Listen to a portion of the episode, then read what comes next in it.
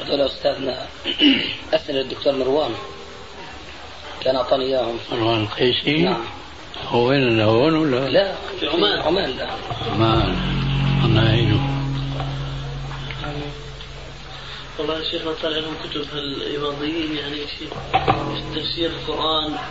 مجلدين الآن واحد في ال- في بعض آيات الفاتحة وانتهى من الفاتحة في جزء والجزء الثاني في- في ثمان آيات فقط من سورة البقرة يعني مجلد واحد مجلدين مجلد الفاتحة تفسير الفاتحة وثمان آيات من سورة اي بقرة نعم مجلدين للخليلي هذا سبحان الله بس مهما هذول يتحركوا الفرق الضالة يشعر الإنسان أنه ما عندهم معرفة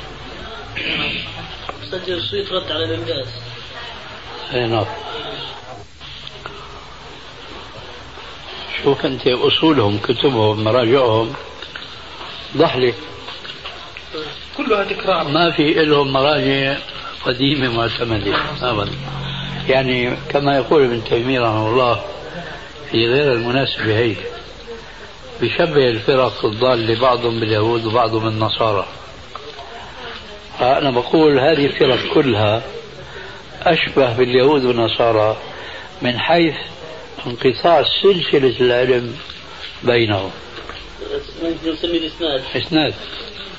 ما في عندنا الشيء هذا كما هو موجود عند أهل السنة من عجائب الامور مسند الربيع بن حبيب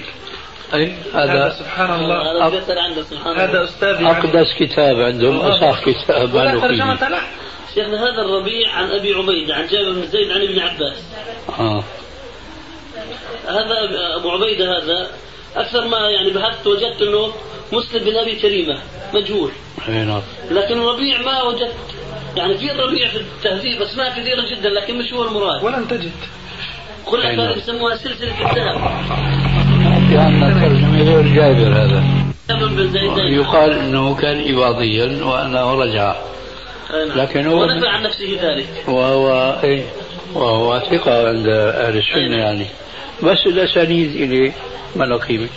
عندهم أيوة. اي نعم اذا هذا السند غير صحيح أي. ولا ذهب ولا تمام ابدا وانا ذهب ولا تنك